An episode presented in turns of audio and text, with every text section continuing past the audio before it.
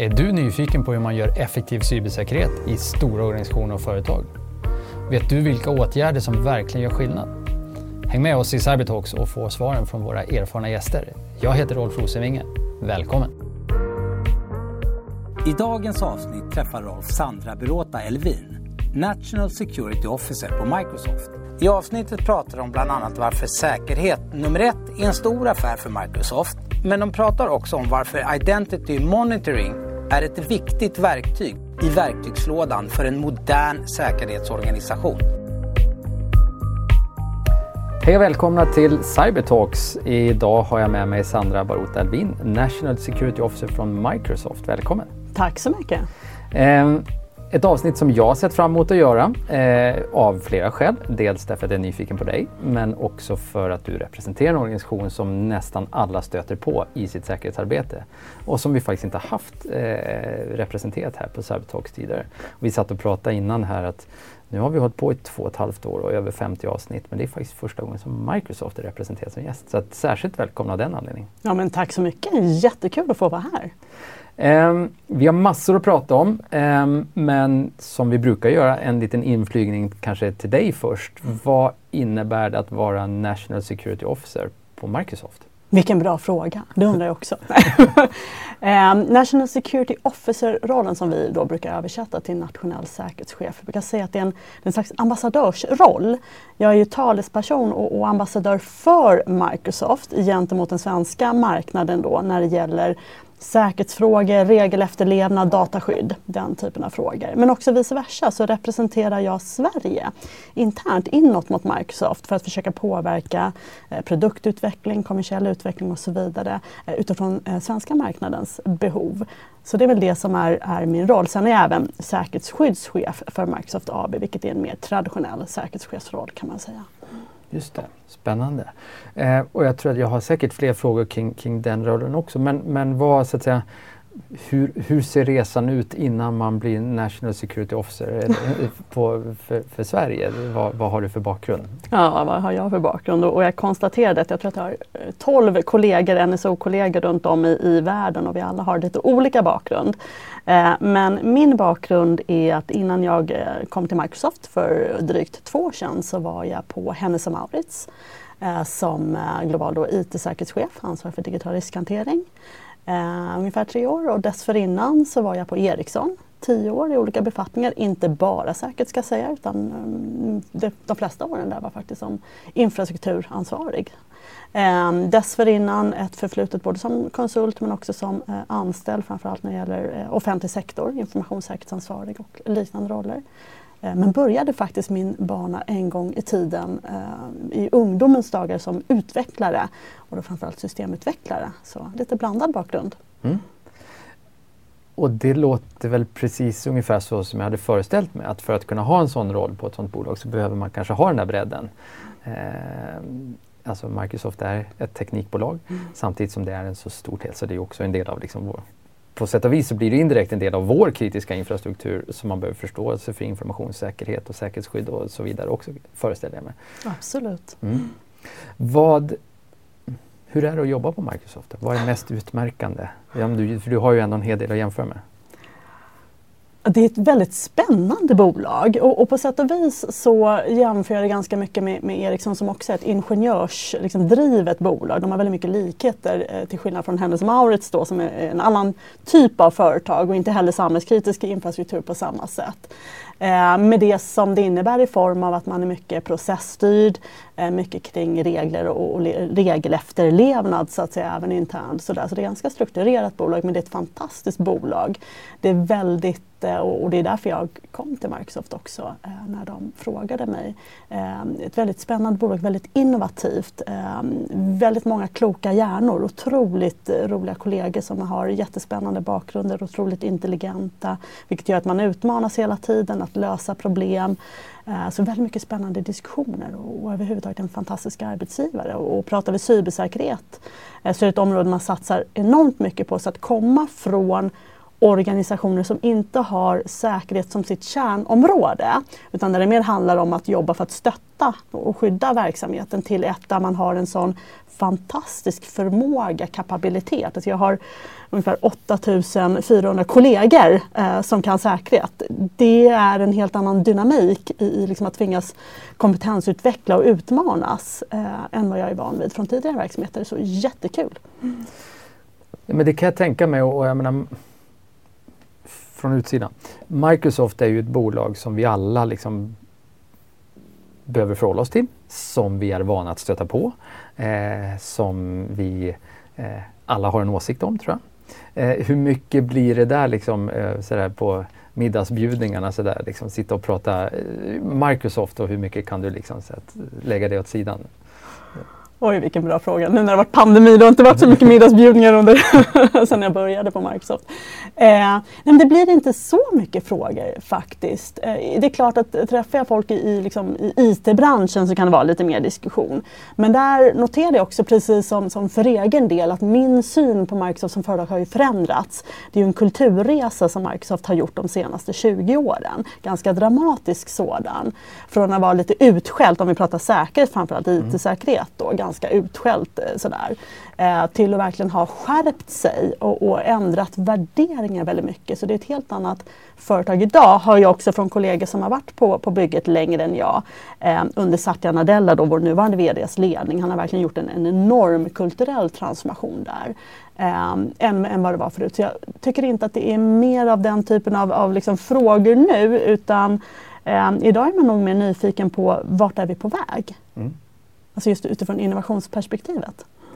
Och det är jag också nyfiken på, så det ska vi definitivt komma till och, och kanske så att säga, börja snäva in lite grann också på själva säkerhetsbiten. För precis som du är inne på, jag, menar, jag tror att många av oss har ju egentligen följt den här ganska stora förflyttningen.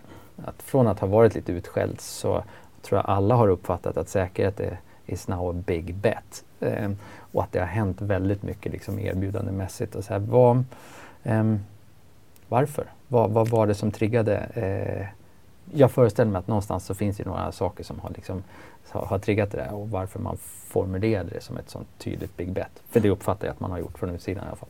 Absolut, och man brukar ju säga det att nödvändigheten är innovationens moder.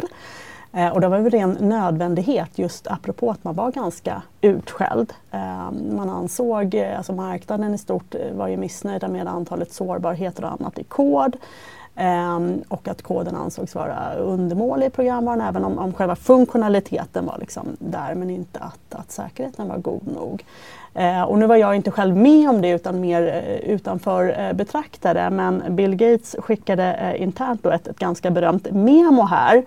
för ett antal år sedan någon gång tidigt 2000-tal där han verkligen gick ut med att nu måste vi satsa på det här och man introducerade ett nytt begrepp då kring säker kodning, koding då, eh, på svenska då, säker eh, system eh, livscykelhantering. Just för att få bukt på de problemen man hade. Så det var ju det som var startskottet egentligen för den här resan. Sen har det ytterligare förstärkts då av, av Satya med hans ledning på att satsa på säkerhet som ett enormt stort område. Allt det här är ju på grund av att man ser att Microsoft är ett teknikbolag. Man satsar väldigt mycket på att, att skapa digital transformation. Och det kan du inte göra om man inte känner tillit till eh, digitaliseringen och de system som finns. Man måste känna tillit till det. Mm. Eh, både kunder och, och, samhället i stort måste känna sig trygga med att digitalisera och använda de produkter som finns. Alltså måste man tänka på säkerheten. Eh, och inte bara säkerheten så att säga, som vi kanske tänker på lås och larm och, och de digitala motsvarigheterna. Men också liksom hur du bygger från grunden, hur du undviker att sårbarheter liksom byggs in i produkter hela vägen fram till då identitetshantering, behörighetshantering och så vidare. Att du måste ha koll på det, du måste satsa på säkerheten för annars kommer verksamheter inte längre att, att köpa digitala verktyg. Helt enkelt, så det är en ren nödvändighet.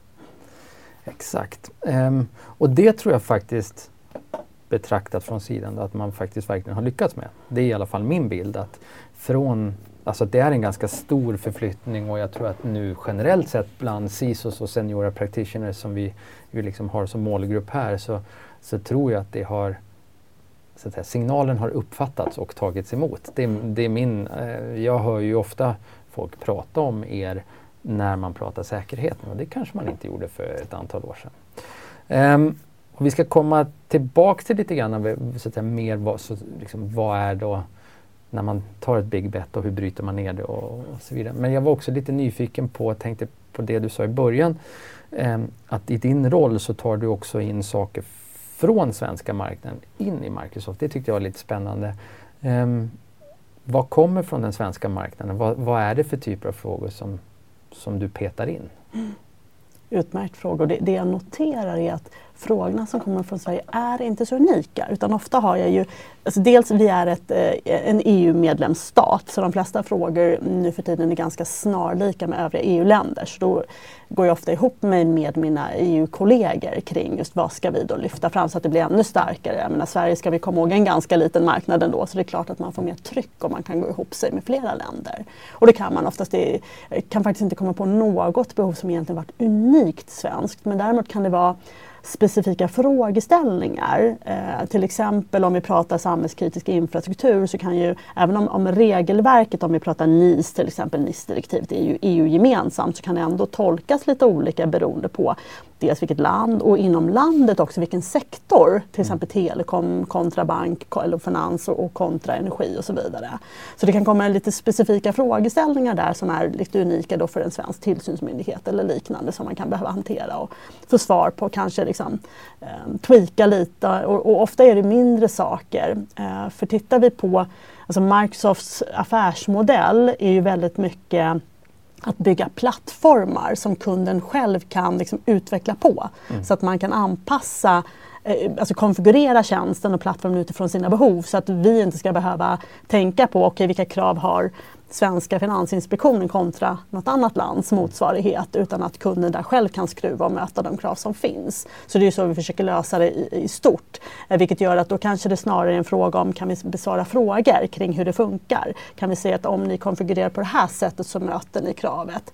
Eh, men ibland kan det vara så att man behöver kanske titta på något avtalstillägg eller liknande som är specifikt just för den svenska marknaden. Mm. Um, spännande. Um, en annan sak som jag har funderat på, jag tycker ju att det har, om man jag har ju, vi hann prata om lite över kaffet eh, också. Jag har ju tidigare själv jobbat i London några år och, och så lite grann skillnader i hur olika diskussioner förs och, och sådär. Eh, har ju fortfarande kvar en hel del nätverk där. Men jag upplever ju att vi har ju haft en ganska speciell diskussion eller ett speciellt sätt att diskutera hela månresan här i, i Sverige. Um, men vis, jag ser ju också egentligen alla de stora molntjänstleverantörerna som faktiskt investerar mycket i säkerhet. Google köpte Mandiant eh, mm. här som ett exempel eh, och det är väl ett sätt att se att här känner man att man behöver liksom accelerera sitt erbjudande och så vidare. Ni har gjort ett antal saker. Um, för inte så länge sedan här så hade vi eh, AVS här som pratade om, om, hur de hjälpte CIA att, att gå cloud och så vidare. Um, jag tycker alltid det är spännande att fråga hur ser du som representant för Microsoft liksom, den här han, han från AVS han sa ju egentligen cloud is always better even on its worst day. Eh, därför att vi får andra möjligheter. Var, var är du i den här liksom, utan att för den delen sen gå in på hela den svenska GDPR-diskussionen, mm. men mer ur ett konceptuellt perspektiv. Vad, vad finns det för fördelar som vi borde passa på att utnyttja? Det, det intressanta här, apropå AVS, är att Microsoft, om man tittar tillbaka lite historiskt, var ganska sena på bollen när det gäller molntransformationen. Eh, och man tittade på varför gör ni inte mer och så vidare. Så moln har inte varit Microsoft som har drivit egentligen, men vi nappade ju på när vi väl till slut insåg storheten i det.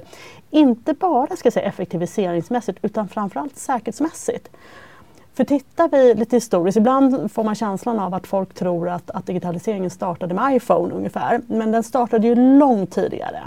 Eh, och jag, menar, jag minns min första bankdosa 95, liksom, det var ju med, med dåvarande Föreningssparbanken.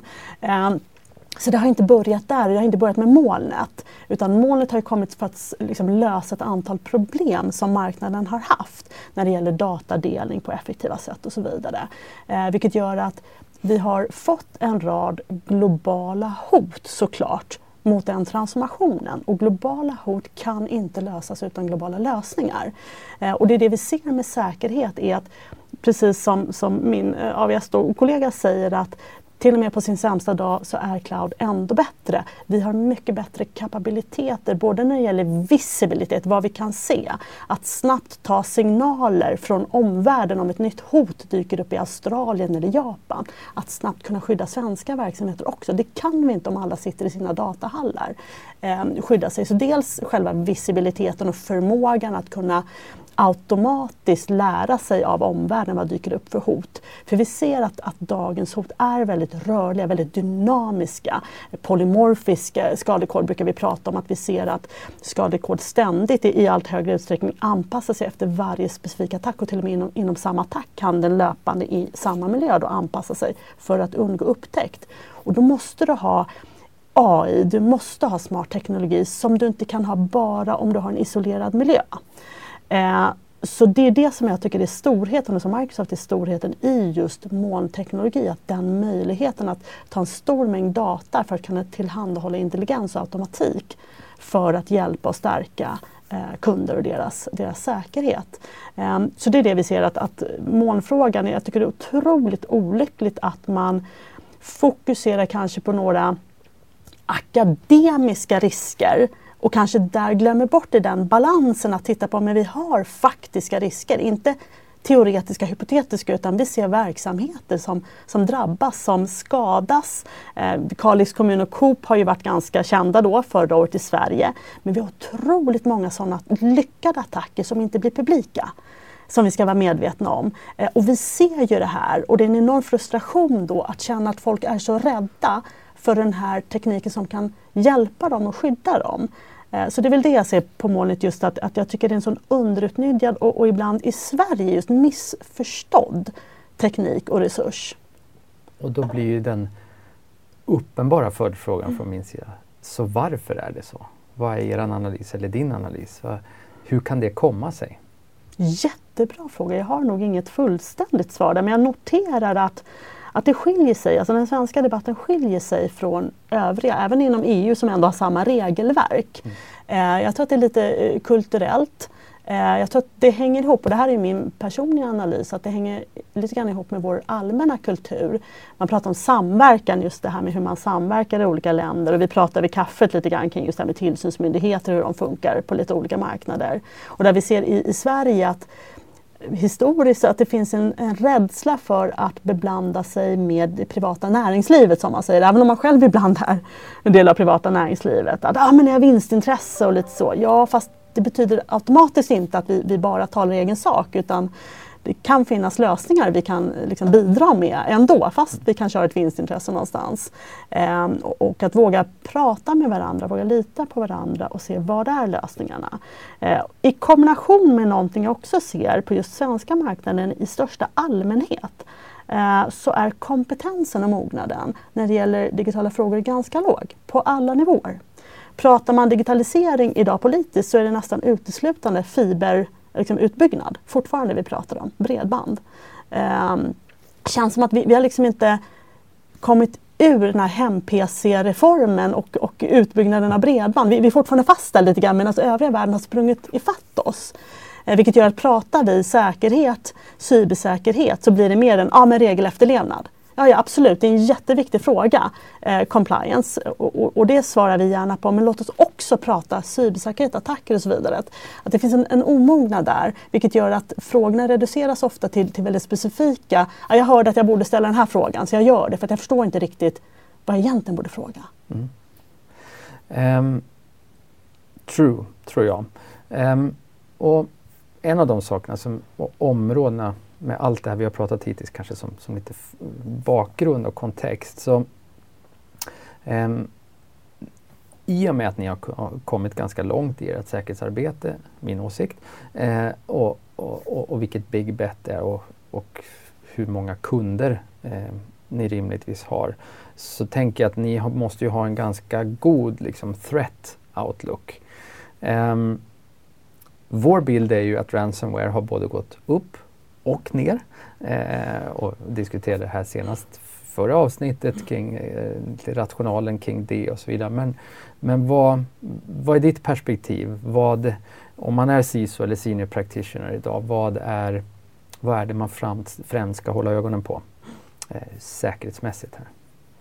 Och det där är ju alltid en svår fråga för säkerhet handlar ju om att säkra någonting, i det här fallet verksamheten. Så det beror ju såklart på vilken typ av verksamhet eh, man har. Men, men, absolut så är ju ransomware fortfarande, om vi pratar liksom, teknisk säkerhet, IT-säkerhet är ju fortfarande det största hotet. Eh, och det är väl framförallt just för sin destruktiva eh, kraft, just att den kan förstöra så mycket. Det tar så lång tid att återhämta sig. Eh, så utifrån det perspektivet skulle jag vilja säga ransomware, det är det vi ser. Eh, och vi delar ju liksom de analyser som, som ni gör i liksom den rapporten. Eh, samtidigt ska vi inte glömma, och, och det här är en fråga vi ofta missar därför att den är mindre påtaglig. Den är svår att ta på och svår att förstå. Det är ju dels informationsstölder och i det sammanhanget även desinformation. Det är fortfarande ett jättestort hot som också växer. Um, inte bara när det gäller eh, statsunderstödd verksamhet så är det någonting som eh, alla verksamheter behöver inte oroa sig för såklart. Men många verksamheter behöver oroa sig för. Framförallt i det geopolitiska landskapet vi sitter i. Eh, och någonting vi ser växer enormt mycket. Eh, och, och tittar vi i Sverige så har vi ju ett känt fall med, med Cloudhopper kan vi prata om eftersom att det är mm. ganska publikt känt nu och ganska väl analyserat. Där i det fallet Ericsson, många andra verksamheter ska ses också men bland annat Ericsson. Jag var själv på Ericsson vid tillfället eh, drabbades eh, just av det och det var ju en supply chain-attack där man gick via Hewlett Packard in mm. till Ericsson. Apropå, det var inte molntjänster eller det var egen serverhall och så vidare. Men ändå att man lyckades ta sig in eh, och att man inte upptäckte det var ju just för att det var ju inte en destruktiv attack utan man tankade information. Och det ser vi att, jag såg att, jag tror att det var Enisa som hade släppt en rapport där man beräknade att ungefär 10 terabyte data eh, förlorats eller tappats ur eh, europeiska verksamheter det senaste året liksom, den datastölden, vad innebär den för verksamheterna? Hur påverkar det dem på ett sätt som de kanske själva inte riktigt förstår idag utan kanske först upptäcker dem ett, två, tre år. Eh, så att inte glömma den, det perspektivet, hur viktigt det är i det här. För vi ser att det är någonting man inte är rädd för för att man förstår inte. Men det växer, det är enormt stort. Ja, men jag tycker den är bra, för jag tycker att jag, och jag håller med dig att den och, och vi har ju pratat en del om vår CISO-rapport och, och ransomware dök upp först. Men sen har vi det här med informationsstöld till exempel. Om du nämner som jag ser tillsammans med supply chain-attackerna det som kanske CISOs eh, hade störst ökande oro kring. Eh, och jag tycker den du tar upp är spännande därför att det är ju eh, det är reellt och det är ju också genom data, information, kunskap, forskningsresultat som man bygger framtidens intjäning om man är ett företag i, i näringslivet. Jag har ju själv så att säga, varit CISO i en väldigt forskningsintensiv verksamhet en gång i tiden eh, på General Electric, deras life science-division, eh, som ju var It's all about the R&D. Eh, du grundlägger ju egentligen företagets eventuella framgång för 20-30 år framöver med det du forskar och utvecklar mm. här och nu. Det var en fråga, så, så därför liksom den, jag, jag, får liksom en liten igenkänning här. Att den, precis, den, den, det var väldigt stort fokus för oss och väldigt mycket av det vårt totala säkerhetsarbete egentligen gick ut på. Eh, jag kan hålla med om att den, eh, den får ibland lite för lite eh, allmän uppmärksamhet. Jag tror att många av de verksamheter som är specifikt utsatta, de, de kanske har greppat det, men i debatten får det lite för lite eh, uppmärksamhet. Men då kommer vi också in på några av tänker jag, hörnstenarna. Så om det är en topprisk, hur skyddar man sig? Mm. Precis. Och, man säger det, det, det kommer alltid finnas risk i allt man gör. Det enda sättet att undgå risk är att stoppa verksamheten om man ska vara krass. Eh, men när vi pratar cybersäkerhet så brukar vi prata om att höja trösklarna. Att göra det för kostsamt för angriparen att angripa just min verksamhet. Eh, och sen är det klart att är du ett tillräckligt intressant mål så kanske det inte spelar någon roll hur stor kostnaden är. Så kommer man alltid behöva liksom, leva med om man har den typen av verksamhet. Men ändå att höja kostnaden. Och att höja kostnaden då, eh, vi pratade där vid kaffet just om, om att många verksamheter fortfarande inte har gjort sin basala liksom, cybersäkerhetsresa utan man man kanske inte har flerfaktorsautentisering fortfarande. Man kanske inte har koll på sin supply chain, man kanske inte patchar tillräckligt noga. Eh, och det här ser jag som en enorm fara för att alltid i liksom, samhällets historia så kommer det ju nya hot. Och har du då, alltså, ligger du fortfarande efter med dina gamla hot, att du fortfarande inte hanterar dem, då hamnar du bara längre och längre efter. Vilket gör att du blir ett tacksamt byte för angriparen. För många av de här som vi pratar om är ju opportunistiska. De går på det lättaste bytet. Den svagaste gnun i flocken så att säga som man kan snabbt liksom, hoppa på om man är ett lejon. Um, så det gäller ju först och främst att inte vara den där svaga, liksom sjukliga gnun utan att försöka hålla sig lite grann i mitten av flocken. Det är väl alltid bra. Och det är klart att har du en särskilt skyddsvärd verksamhet så kanske du till och med ska vara lite i framkant där, gärna kanske leda flocken till och med. Eh, det är ju det, så det basala skyddet och då gärna alltså, identitetshantering. Vi ser ju idag, eh, Microsofts CISO och Brett Arsenault brukar säga utifrån liksom, vår analys vad vi ser att hackers don't break in, they log in. Det är det vi ser. Mm. Och, och, absolut kan vi prata om eh, liksom att ja, men det är alltid möjligt att ta sig runt MFA om man verkligen vill, absolut. Men det skyddar ändå 99 liksom, procent om inte mer av de försöken. Så mm. gör det inte för enkelt för angriparen utan skydda din verksamhet. Så att skulle jag bara se, liksom, ta en sak så är det identitetshantering. Men i det också någonting som vi ser väldigt mycket och apropå supply chain attack som ni pratade om i det föregående avsnittet lite grann. Att just att man missar ofta det i sin alltså visibilitet. Vad ser du för någonting? För att dagens angrepp är så pass sofistikerade, de flesta av dem, att du måste förstå, du kan inte bara leta efter larm utan du måste ha en intelligens i det och hitta avvikelser och då måste du ha en koll på hela din miljö. Inte bara på, ja men här har vi en, en publik webbserver, vi ska akta oss för internet. Utan man brukar prata om i de här sammanhangen zero trust exempelvis eller defense in depth. Det här med att du kan inte längre förlita dig på att något nätverk är säkert. Och där innanför behöver du inte ha koll utan du behöver ha koll eh, på helheten. Men jag tycker det är bra. Jag tycker det är intressant. Vi, och jag tror ju som du säger att alltså, tillbaks till den CISO-rapport som vi släppte. Vi, vi tittar på vad, for, så att säga, vad har folk investerat över den senaste perioden, de stora organisationerna. Man har investerat mycket i Detect och Respond. Alla i princip har rullat ut EDR um, um, ehm, för att own your endpoint resonates. Mm. Um, men att det kanske faktiskt inte räcker och det är ju någonstans är det ju också bara att följa så att säga, produktutbudets utveckling från alla de stora EDR-leverantörerna, mm. räknar in Microsoft där, mm. men det finns ju andra också. Um, så ser man att det har varit ganska tydligt liksom, att man, det man lägger till är en Identity Monitoring-modul. Mm. Och, och, det är ju lite grann drivet av det vi pratar om här. Det har ju flera skäl men i, alltså ytterst informationsstöld är ju liksom, kanske liksom topphotet, risken som man på olika sätt då försöker hantera. Mm. Identitetsmonitorering eh, blir ju ett verktyg. Då. För mitt påstående är ju att alltså Identity and Access Management har ju stora organisationer jobbat med i oändlighet. Mm. Eh, och vi har för många år sedan etablerat det som en del av liksom någon slags hygienfaktor. Men ändå så ser vi de här nya erbjudandena och push för liksom, identity monitoring. Varför? Det måste ju vara för att den här hygienfaktorn faktiskt fortfarande inte riktigt är löst för att det är svårt. Mm. Absolut. Är det en rätt analys? Tror du? Ja, ja men det är absolut en, en rätt analys. Eh, och vi ser ju det och det hänger ihop Alltså identitetshantering även idag är ju komplicerat framförallt därför att väldigt många verksamheter eh, har ju levt ganska länge. Man har en legacy som man kanske inte har hanterat på rätt sätt eller ordentligt genom åren. Eh, man har byggt upp en, en liksom teknisk skuld vilket innebär en säkerhetsskuld också. Eh, vilket gör att man får de här eh, svagheterna och ingångarna. Eh, men också i kombination just med att när du höjer trösklar, när du blir bättre på din nätverkssäkerhet, låt oss säga det, eller på annan typ av säkerhet.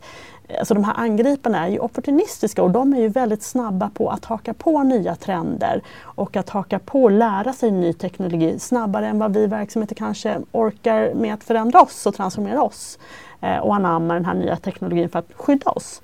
Eh, och det gör ju just att när det gäller, som vi tar identitetshantering, att vi vet idag att ja, men du måste ha en identitet för att komma in. Eh, fortfarande idag så, så är vi liksom, tittar vi på det mänskliga psyket, vi vill gärna vara bekväma.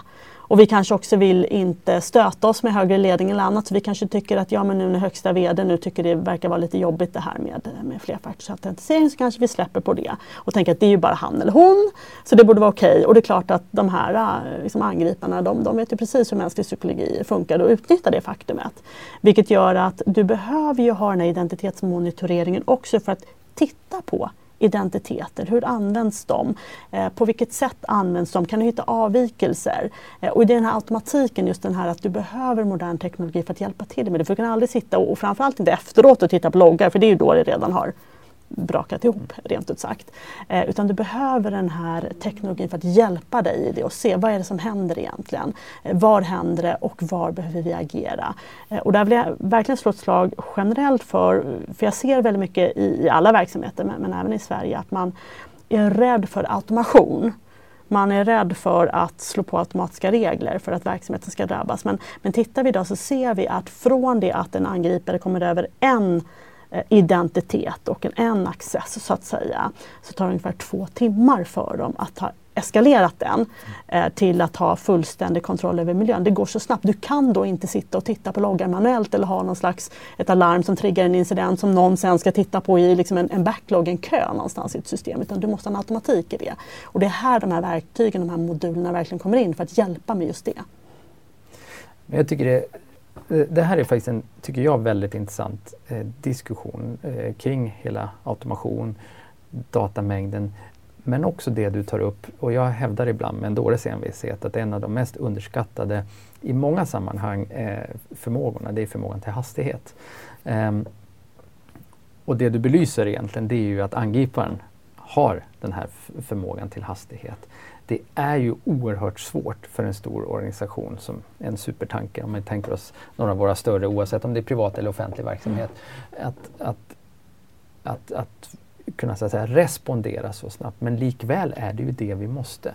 Och det tycker jag är en spännande tanke att, att, så att, säga, att borra i just så hur blir vi snabba? Våra analytiker sitter ju också och ser en hel del av liksom, de leaked credentials och så bara med den lilla liksom, nugget som du gav oss här nu, två timmar mm. turnaround time. Mm. Det säger ju en hel del om hur jag som säkerhetschef måste bygga förmågorna. Det är ju en verklighet som du beskriver. Läckta identiteter, läckta eh, credentials, två timmar turnaround-tid. Hur hanterar vi det? Det är utifrån den kunskapen som vi måste bygga ett modernt försvar för vår organisation. Hur duktiga är vi på att plocka upp den kunskapen med den turnaround, alltså kunskapen om turnaround-tid till exempel? Alltså det finns ju jättebra exempel. Det finns verksamheter som, som, är ganska duktiga på det här men generellt är vi ganska dåliga på det. Eh, vi fastnar ofta lite grann i, i ja men vi har inte förmågan, vad gör vi då? Och så blir det lite rädsla istället. Istället för att vara lite lösningsorienterande och säga det.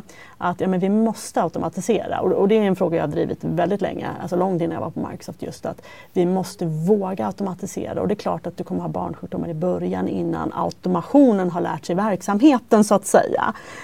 Och där handlar det om att vi som, som liksom senior security practitioner eh, har förmågan att kommunicera det till ledningen, varför det måste vara så. Jajamensan, det kommer kosta lite för verksamheten under en uppstartsfas, som i all förändringsverksamhet, liksom, förändringsledning. Eh, men förklara vad nyttan är. För att vi kommer aldrig kunna eh, vara i framkant. Alltså, våra angripare automatiserar.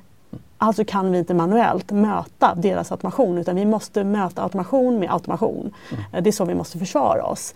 Eh, det är så du bygger förmåga med automation. Sen kan det vara olika teknik för det beroende på liksom what makes sense för, för din verksamhet. Det finns olika lösningar. Microsoft har sina förmågor såklart. Det finns andra verksamheter, leverantörer som har sina förmågor men även när du väl har valt så kan du lösa det på olika sätt beroende på hur liksom, ditt försvar i övrigt ser ut och hur du jobbar. Men om du har en organisation, om du har säkerhetsgubbar och gummor som tycker om att lösa det manuellt, då har du problem om de vill fortsätta göra det. Om det handlar liksom om att ja, men de känner sig trygga med att ha kontrollen själva. Eh, för då kommer du bli angripen. Du kan inte lösa det manuellt utan din kompetens och dina eh, teams, och gubbar, gubbar och gummors kompetens måste användas till att skruva på verktygen, att se till att de funkar. För det är där vi ser apropå spänd att många, eh, menar jag var ju själv på, på hennes Marts fick liksom, ja men Sandra så här mycket pengar, du skulle ju in, liksom implementera den här och den här grejen, varför gör du inte det? Jag har inte resurser, alltså det handlar inte om pengar, jag har inte folk som kan hjälpa mig implementera de här sakerna. Därför att de fortfarande håller på med massa manuellt arbete. Så man måste ju frigöra de resurserna så att jag kan ständigt kontinuerligt implementera och bygga upp min, mina nya förmågor. Men då måste jag automatisera, jag måste våga automatisera. Bra. För då tror jag vi har ringat in mer än en grej som man faktiskt kan ta med sig härifrån. Eh, både hela området kring identity och identity monitoring. Att inte bara titta på identity and access management i det traditionella hygienperspektivet men utan mer ur, ur monitoringperspektiv och våga ta automation. Eh, liksom få in automation i sättet och att det faktiskt kommer vara nödvändigt för att hantera de faktiska turnaround tider som vi verkligen ser att angriparen redan har skaffat sig. Spännande. Tiden går jättefort eh, när man har så mycket roligt att prata om. Eh, jag tror att vi har varit igenom en hel del saker. Jag tänker också att för den som sen vill läsa mer så brukar ni släppa en del rapporter. Eh, Security Signals släpper mm. ni då och då. Mm, Cyber Security Signals, vi släppte den här för ett par veckor sedan. Mm. Och sen så har ni en årlig rapport som kommer snart också. Och när kommer Precis. den ungefär? Ja, men den kommer när som helst här. Eh, Microsoft Digital Defense Report. Eh, och den brukar släppas här i, i liksom månadsskiftet september-oktober. Så, att, eh. så den som känner att man vill ha en liten uppföljning till den här diskussionen har snart någonting nytt och spännande att dyka ner i. Då. Um, jag brukar också eftersom tiden går så fort så är vi ju redan där vi ska börja rappa. Jag brukar alltid passa på att fråga, och jag vill fråga dig också såklart, eh, om du har något tips som har informerat eller inspirerat dig, det kan vara bok, film, podd, någonting annat. Eh, det behöver inte ha med cyber att göra, det kan ha med cyber att göra, men eh, jag tycker alltid det är spännande att få mm. en, en, en liten input från, från gästen som mm. du vill dela med dig av. Absolut, och det är så svårt att, att, välja för det finns så mycket som inspirerar. Eh, men om jag ska välja en som har inspirerat mig enormt mycket, mer nog än vad jag trodde att den skulle göra, så är det ju Brad Smith. Han är ju eh, liksom president för, för Microsoft eh, och, och chefs, högsta chefsjurist eh, som har en bok eh, som släpptes för ett antal år sedan och sen kom den i en ny utgåva, eh, eller en uppdaterad utgåva förra året som kallas för Tools and Weapons. Och det handlar just om, om just digitalisering, vilka möjligheter men också vilka risker som den kommer med. Och det jag tycker är så intressant är just det här liksom perspektivet, eh, inte bara för digitaliseringen i sig utan samhällsutvecklingen och hur vi behöver tänka på cybersäkerhet. Att det sätter saker i perspektiv så att vi inte fastnar i tekniken utan förstår de större frågorna när vi jobbar med tekniken. Så jag tycker den var otroligt eh, tänkvärd. Bra! Det lät som ett riktigt bra tips. Jag har faktiskt inte läst den då vet du vad du ska göra ja. nästa lov sådär eller helg. Ja exakt, Nej, bra. Det ska jag faktiskt göra. Det lät spännande. Eh, men tack så mycket för att du hade möjlighet och lust att komma hit. Tack för att jag fick komma. Och eh, Sandra Baruta Elvin från Microsoft. Det var jätteroligt att ha dig här och till alla lyssnare. Until next time. Podden är ett samarbete mellan Orange Cyber Defense och Paliscope och spelas in och klipps på Om Media.